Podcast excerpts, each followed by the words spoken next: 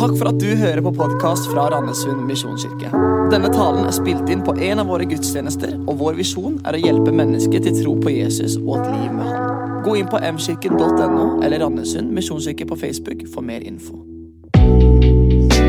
Det er veldig interessant å studere barn når de kjenner på skyld. Skylden tar tak, og jeg ser barnet blir mindre og mindre bevegelig, mindre lekent. Latteren forsvinner. Det blir mer og mer forknytt. Og så er det noe vakkert når barn kommer og forteller 'Jeg gjorde det. Jeg ødela det. Jeg sa dette.' Og så får de bedt om tilgivelse, og så ser du bare Skylden forsvinner, og de er fri til å leke igjen. Og de nærmest glemmer ut hva som har vært. Når barn bærer på skam, det er at de føler ikke at de har gjort noe galt, som er skyld, men er noe galt, som er skam, så ser vi at de gjemmer seg mye mer. På en helt annen måte. Og Når vi tar det til oss voksne, så er det mange av disse samme mekanismene som gjelder for oss. Men vi finner eh, måter å deale med det på. Vi gjemmer oss på en annen måte. Vi bygger murer, vi skylder på andre, vi bortforklarer, vi rasjonaliserer. Men mekanismen er der. Vi gjemmer oss, vi kjenner oss mindre bevegelige. Barn er jo herlige når de da skal bortforklare ting. Vi holdt på å bygge hus, og en dag vi kom der, så ser jeg det ligger en svær bæsjeklump rett foran huset. Og jeg tar han ene til side og spør du, eh, kjenner du til dette. Og han sa nei, nei, nei, men jeg så en elg som kom og bæsja her. Da visste vi hvem som hadde gjort det. Den andre sønnen min eh, hadde slått en unge. Og vi tok en side og sa du kan jo ikke gjøre det, men han hadde jo en super forklaring. Han andre slo jo etterpå. Det forklarer jo alt for oss. Og så var det atter en gang da når eh, vi bare merket at godteri alltid forsvant. Godteri og chips og brus. Så til slutt så fant jeg ut jeg måtte spørre litt annerledes. For hver gang jeg spurte har dere tatt det, nei, nei, nei, nei. Så jeg spurte min sønn du, eh, hvordan har det seg at du klarer Eller hvordan kan du nå godteriet som ligger helt der oppe? Altså, det er enkelt. Tar en stol her, klatrer opp på benken, så tar du en liten krakk der, og så når du det. Og Han var stolt av å kunne vise. seg. Guts, you! Og Sånn er det med skyld og skam. Det som er interessant i vår kultur, det er at vi ønsker ofte å ta vekk skyld for å gjøre det lettere for folk.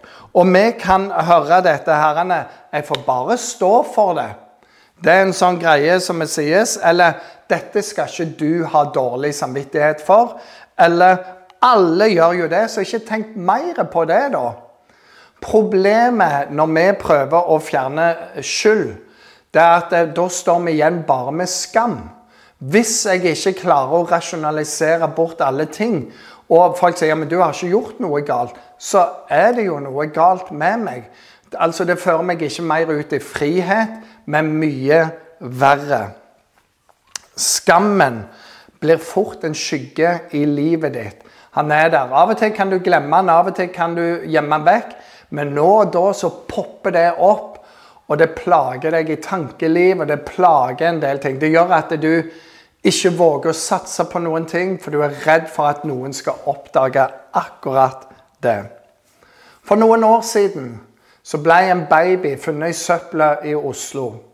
Babyen levde, men de fant ut her må det ha skjedd et eller annet. Og de satte i gang store apparat for å finne barnets mor. Barnets mor ble funnet, og hun kunne fortelle en historie om et liv som måtte være til helvete på jord. Det var forferdelig mange ting hun hadde gått gjennom. Så det som de gjorde De ringte da En avis ringte til 15 forskjellige psykologer og psykiatere og folk som jobber med folk som har det vanskelig. De fortalte hele saken for alle sammen, og så spør de Burde ikke hun slippe straff? Har ikke hun hatt det vondt nok som hun allerede har hatt det? De 14 første de svarer ja, vet du hva, den jenta har lidd mer enn nok. Hun må ikke få dette over seg òg. Så ringer de til den aller siste, men den siste hadde et annet svar. Og den sier, 'Er du gal?' Hun må jo ta sin straff. Hun må stå til ansvar for det hun har gjort. Og så kom tillegget. For hvordan kan hun ellers komme videre i livet hvis hun ikke får gjort opp for seg? For den som ikke får gjort opp for seg, den må bære det med seg. Og så legger han til. Men hva den straffen skal være, det kan vi diskutere, for her er det masse formildende. Men det er veldig viktig at mennesker får gjort opp for seg, får lov å betale, gjøre bot, sånn at helbredelsen kan finne sted, og sånn at de kan gå videre med legedom i livet. Vi må passe oss så vi i vår snillisme ikke ødelegger enda mer. I dag skal vi lese Salme 32, og vi er mye inne på denne tematikken. Og Vi leser sammen fra toppen. Der står det Salig er den som får sine lovbrudd tilgitt og sine synder skjult. Salig er det mennesket som Herren ikke tilregner skyld, som er uten svik i sin ånd. Så lenge jeg tidde, ble mine knokler tæret bort mens jeg stønnet hele dagen. For dag og natt lå din hånd tungt på meg, min livssaft svant som sommerens hete. Da bekjente jeg min synd for deg og skjulte ikke min skyld. Jeg sa, jeg vil bekjenne mine lovbrudd for Herren, og du tok bort min syndeskyld. Derfor skal alle trofaste be til deg i, i tider med trengsel. Om det kommer en veldig vannflom til dem, skal de, den ikke nå. Du er mitt skjulested. Du verner meg mot nød. Du, med frelsesjubel omgir du meg. Jeg vil gi deg vis og lære deg den veien du skal gå. Jeg vil la mitt øye hvile på deg og gi deg råd. Vær ikke som hest og muldyr uten forstand. Deres smykker tømmer tømme og bissel til å tvinge dem med. Ellers kommer det ikke til deg. Den urettferdige har mange plager, men den som setter sin lit til Herren, omgir han med godhet. Dere rettferdige, gled dere og juble i Herren. Bryt ut i fryderop, alle oppriktige av hjertet. Denne salmen starter med 'Salig er den'. Og Det er akkurat måten, samme måte som salme N starter på. 'Salig er den'. Der står det 'som har sin glede i Herrens lov'. Her er det knyttet til 'salig er den som får sine lovbrudd tilgitt og synder skjult'. Og dette med salig, det betyr høyeste form for lykke. Det er mer enn å bare være glad eller Uhu! Det er bare noe euforisk, noe utrolig bra. Og så ligger det en åndelig sannhet her. Hva er det med saligheten her? Og Jeg skal gå inn på noen punkter. For det første, for å være salig så må du være ærlig om din synd. Ærlig om din synd. Kong David, som eh, vi regner har skrevet denne salmen, han hadde et par store brølere i sitt liv. Batseba, som han lå med uten å være gift med henne. Det var en stor synd. Han fikk med hjem mannen for å prøve å dekke over det. Han ville ikke gå inn til henne, så da fikk han ut i krigen fikk han drept for å skjule sin synd. Senere hadde han en folketelling, for han var en kontrollfrik. Gud likte ikke det heller. Og Vi ser noen sånne ganger der han gjør noen store brølere. Og på en av disse gangene der så kom en profet til ham og, og, og, forteller en historie, og David klikker. Men så sier Nathan David, du er den personen i denne historien. Han du er så sint på at det er deg. Du er mannen. Og Det som skjer med David, det er at han bare der og da Jeg er den mannen. Jeg har synda mot Herren. Jeg har gjort feil. Jeg bekjenner det. Og han skyldte ikke på noen andre. Han skyldte ikke på at han kjeda seg hjemme. At hun kanskje bevisst var oppe på det taket. At hun la an på han eller noen ting. Altså, dette er min skyld ene og alene. Jeg har synda mot Herren, jeg har synda mot henne, jeg har synda mot uh, han andre der. Og jeg bærer alt ansvar for det. Du må stå for det. Og Det står i Bibelen at Gud står den stolte imot mens den ydmyke vinner ære. Det var en som sa det sånn Hvis vi dekker over synden vår, så vil Gud avsløre den. Avslører du synden din for Gud, så vil han dekke over den for oss. Det var en gutt som eh, eh, var på skolen. Han får en lapp av en kompis med et telefonnummer. Og så bare 'Hva er dette?' Nei, du må bare ringe det nummeret der. Anne. Og Dette var noen år siden. Og, og han ringte, og så hører han i andre enden 'Hei, kjekken'. Og så forsto han at dette var en sextelefon. Så han la på igjen. Men så var det jo litt spennende, dette, da. Så han eh, tar opp igjen og ringer en gang til. Dette er på den tida det var fasttelefoner hjemme, og det var sånn verden var. Og så, så snakker dama enda lenger, og med et litt sånn slibrig språk. Han legger på. Nå syns jeg dette var interessant, så han løper over til kompisen og sier du må komme hjem. Kom hjem, så må du høre noe. Ringer nummeret en tredje gang. Og hun snakker, og de gjør seg grovere i mål enn det er, for dette er to barn på rundt 11-12 år.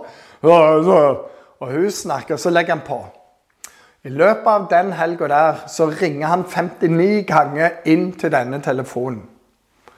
Søndag kveld kommer far hjem, og han ser at sist nummer det er et rart nummer. Og Han ringer det, og så Wow! Så han kaller sønnen sin inn til en samtale og sier hva er det du har gjort. Og han sa nei, nei, nei, nei. det var en i klassen min som ga meg dette. Jeg ringte en gang, og så la jeg på. Og så aldri mer. Jeg, jeg ville jo aldri gjort noe sånn. Og faren tenkte ja, det, var, det er bra, da har han lært det. Og sier men det går bra, for vi ringer ikke sånne nummer. Nei, nei, vi gjør ikke det, pappa.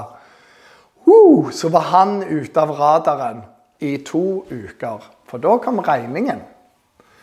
Og når du da får en regning som er 3000 kroner mer enn du normalt sett har på en eh, regning på telefon, så sjekka faren.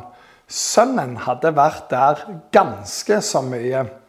Såpass mye at eh, dagen etterpå så blir sønnen innkalt av rektor, og der er mor klar til å hente han hjem. Og han måtte stå til ansvar for alt, for alt var avslørt. For å være salig så må du være ærlig om din synd. Det andre det ligner litt på det første. For å være salig, for å bli salig, så må du eie din synd. Vær ærlig og eie den. Vi ser i vers 5 i Salme 32 så tar David fullt ansvar. Han sier det er min skyld. Det er min synd. Det er mine lovbrudd. Han dekker det ikke til, han bare er der og sier 'Jeg har gjort dette'. Og det som er vår voksne måte å deale med ting på, det er at vi rettferdiggjør det vi sjøl gjør.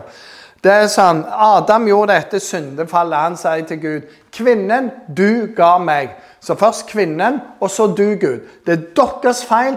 Det er du som ga henne, og alt ble kaos pga. det. Så kommer kvinnen inn, og hun sier Slangen gjorde at jeg synda. Men Gud holdt begge to ansvarlig for det de hadde gjort.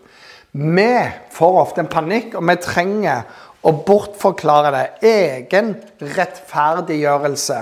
Alle andre gjorde det, så derfor gjorde jeg òg det. Jeg hadde jo ikke noe valg, egentlig. Hva gjør man ikke når man er trett og lei? Dette er jo pga. regjeringens håndtering av pandemien. Jeg orker ikke mer av disse tingene her. Jeg blir så dårlig behandla av sjefen min, så da bare gjorde jeg dette. Ja, jeg gjorde det, men du gjorde òg ditt. Og vi rettferdiggjør oss sjøl hele tida. Det er ikke veien til salighet. Du blir ikke fri av det. Det er en forskyvning.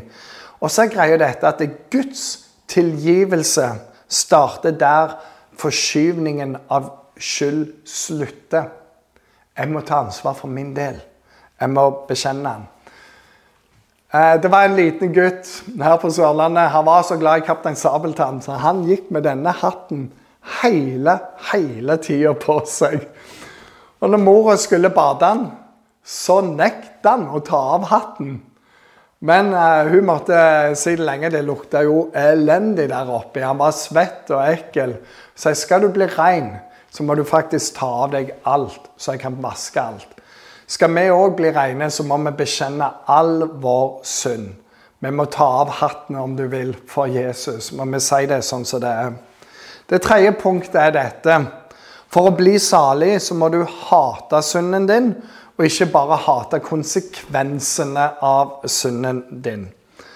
Vi ser det i vers 5 og vers 9 spesielt. Dette med å bekjenne på gresk så, så, er det òg en betydning som vi ikke får med oss ofte. Men det er å se tingene ut fra perspektivet til den du har gjort det galt mot. Altså ikke se det fra ditt ståsted, men se, sett deg inn i den andre ståsted. Hvordan ville det være hvis jeg var den, hvis jeg hadde de tingene og møtt meg? Hvordan ville det vært? Å se det fra det perspektivet. Vi har et politisk fjaseri og, og sånn ordtak som Ja, dersom du ble såra av det jeg sa, så beklager jeg det. Det er verken å ta ansvar eller beklage. Du tar i hvert fall ikke på deg skoene til den andre. Men bekjennelse det handler Sett deg inn i den andre forvoldtes eh, situasjon og se det ut fra dens perspektiv. La det gå inn i deg, og ikke bare hold det sånn. Det har ikke noe med meg å gjøre, egentlig. Noen omvender seg pga. Ubehagelige konsekvenser. De vet hvis jeg fortsetter sånn, så ødelegger det karrieren min. Hvis jeg sier sånn videre, så reagerer de så mye. Hvis jeg er med på dette og blir tatt, så risikerer jeg så mye. Så det blir et filter for å ikke gjøre ting. Men i denne salmen så ser vi det handler noe om Det er ikke konsekvensene, men det er hva er det Gud velsigner, hva er det Gud ikke liker? Og når det kommer til bekjennelsen, la oss sette oss inn i Guds sted. Så er det fra hans perspektiv. Det å hate synden fordi det er synd i seg sjøl. Det er feil i seg sjøl. Det er ikke mine ubehag, men det fører til synd, sår og lidelse for et annet menneske. Det kan ødelegge. Det er mer enn nok. Så jeg må hate synden, ikke bare hvilke mulige konsekvenser det kan ha med seg. Det står i vers 9.: Vær ikke lik hest og muldyr. Du må sette bissel i dem for å tvinge dem med. Og så sier han ikke vær sånn at Gud må tvinge deg, at andre må tvinge deg, at de må lokke med. Men tjen Gud fra hjertet ditt. Jesus elska meg så mye at han ga livet for meg for at jeg skulle kunne leve med han. Og Det står i Bibelen jeg har skrevet mine lovbud i ditt hjerte. Å leve ut ifra det perspektivet. Gud vil ha hjertet vårt, ikke bare en lydighet fordi vi frykter konsekvenser. Og Det er jo interessant da at vi har ting som vi gjør og sier og googler og hva som helst, som vi skjuler for folk, for vi er livredd for at de skal oppdage det. Samtidig så vet vi jo at Gud vet alle ting. Men det bryr vi oss ikke så mye om. Det er en sånn rar greie akkurat der. For det fjerde, for å bli salig så må du forandre retning forandre retningen. I vers 10 og 11 så står det den urettferdige har mange plager, men den som setter sin lit til Herren, omgir ham med godhet. Dere rettferdige, gled dere og juble i Herren. Bryt ut i fryderop, alle oppriktige av hjerte. Å sette sin lit til Herren, det betyr å stole på at Gud vet best. At det som står i Guds ord, er til det beste for oss. Det er ikke en sånn nå ødelegger vi festen.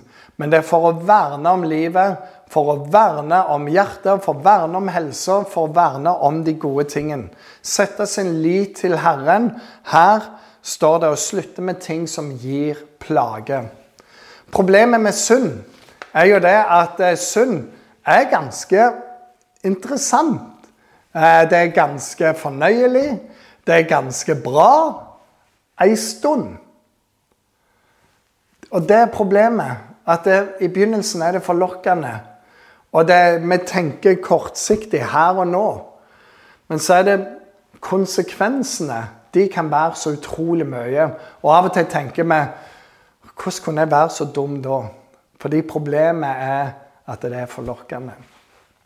Og En pastor som sa det sånn Hvis du ikke syns at synd er forlokkende, så vet du egentlig ikke hva synd er. da har du ikke prøvd alt nok. Vi må omvende oss for det fordi vi, vi tjener Gud, og fordi vi vet noe om konsekvensene òg i et lengre perspektiv. Men vi må ha her et ønske om å gjøre det som gleder Gud. Det er et bibelvers som står i Ordspråkene 24, som går sånn Sju ganger kan den rettferdige falle og reise seg opp igjen.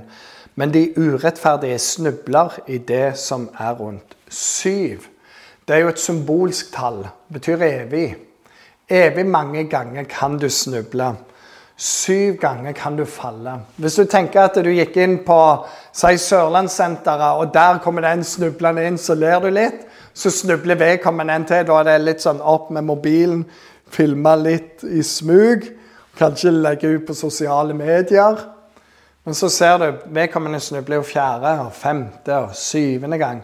Og da skjønner du denne, denne personen har et problem. Kanskje jeg burde ha hjulpet den istedenfor dette. Jeg blir kanskje til og med flau over det jeg har gjort. Og så sier Gud den rettferdige kan snuble mange, mange ganger. Så lenge han vil være med Gud, så, så vil Gud eh, hjelpe han. Og du kan reise deg opp. Det å vandre med Gud det handler ikke om å leve perfekt, men det handler om å leve for Guds åsyn og ønske å leve sammen med Han. Ny retning, det tar tid. Og det vet Gud, og han har tid for det. Det femte punktet er dette. For å bli salig så må du ha din tilflukt i Herren. Står i vers 6 og vers 7.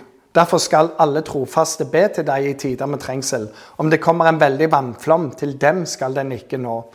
Du er mitt skjulested. Du verner meg mot nød. Med frelsesjubel omgir du meg. Din skyld, din synd, din skam det tok Jesus på seg, og han bar det på korset. Alt det som du skylder, det har Jesus betalt. Det står i Kolosserne at er gjeldsbrevet som gikk imot oss pga. våre synder, det nagla Jesus til korset. Og så er det en som har sagt det sånn vet Når djevelen kommer og banker på min dør og vil ha meg ut, så, så sender bare Jesus ut, for det er han som er herre i huset mitt. Og når Jesus åpner døra, så sier han 'Hvem søker du?' 'Nei, jeg søker Roy Elling.' Så sier han 'Beklager meg, Roy Elling, han er død for mange år siden.' Og det, nå er det jeg som er herre. Og anklager må bare gå sin vei. Fordi Jesus har betalt eh, prisen for meg, og jeg får lov å være hos han. Så lenge jeg tidde, tærte seg bort, sier salmisten. Og Det kan jeg kjenne meg igjen i, og det kan mange av oss kjenne oss igjen i. Det er vondt å bære på ting som jeg vet at dette må jeg gjøre opp, men jeg klarer det ikke. Så til slutt Hvordan kan jeg gjøre dette her? Fortielsen fortærer. Bortforklarelsene fortærer. Hva, hva tærer deg nå? Hva kan du gjøre med det? For det første, kom til Jesus med alt. Kom til meg med alt i bønn, all deres bekymring, sier han, og min fred skal komme. Bekjenn det for Jesus. Fortell det nøyaktig sånn som det er, ikke gjør deg til. Ta din del. Jeg var faktisk så elendig. Jeg sa de ordene. Jeg gjorde det. Langt under min egen moral og standard, men jeg gjorde det. Jeg sa det. Si det til Jesus. Nummer to. Finn en person du kan dele alt med, og vær dønn ærlig. Her er vi redde for at folk ikke skal ta imot oss. Hvem vil de tro jeg er, hvis jeg kommer med det? Men du vil merke det at det som regel når du kommer til folk som er åndelig modne, så vil hjerte mot hjerte knyttes. Fordi ærlighet forløser noen ting. Det forløser Guds tilgivelse, det forløser Guds kraft, og det forløser Guds salighet. Finn en du kan dele alt med. Og så kan det være noen du må gjøre opp med i tillegg. Det tredje tingen finn deg ei smågruppe. Når vi åpner opp igjen, vær med i ei smågruppe der dere leser Guds ord i sammen, dere ber i sammen, og der kan dere òg fortelle om de tingene som er i livet, og av sånne ting. Synd, skyld, skam, ting jeg bærer med. Når du finner trygghet i grupper, så vil du merke at gruppa er med og bærer, og vi bærer hverandre tolvstegsprogrammet både til anonyme alkoholikere og som er gjort som disippelprogram, har denne styrken i seg. Vi får lov å komme til Gud med alt, og vi får lov å bære det med til hverandre. Og nummer fire ha som vane å bekjenne og gjøre opp. Gjør det så fort som mulig, for da slipper du at det tærer deg bort. Men gjør det opp så fort som mulig med de det gjelder. Og av og til sjekk ut. Du, jeg sa dette, dette var ikke så bra. Hvordan er det? Gjør det om for egen familie. Er du forelder, gjør det om for barna dine. Helt utrolig når voksne kan komme til sine barn og beklage at jeg var sånn mot deg'. Det skulle jeg ikke vært. Helt utrolig hva det kan forløse. Så helt til slutt, da. Hva er den ene tingen som tærer deg?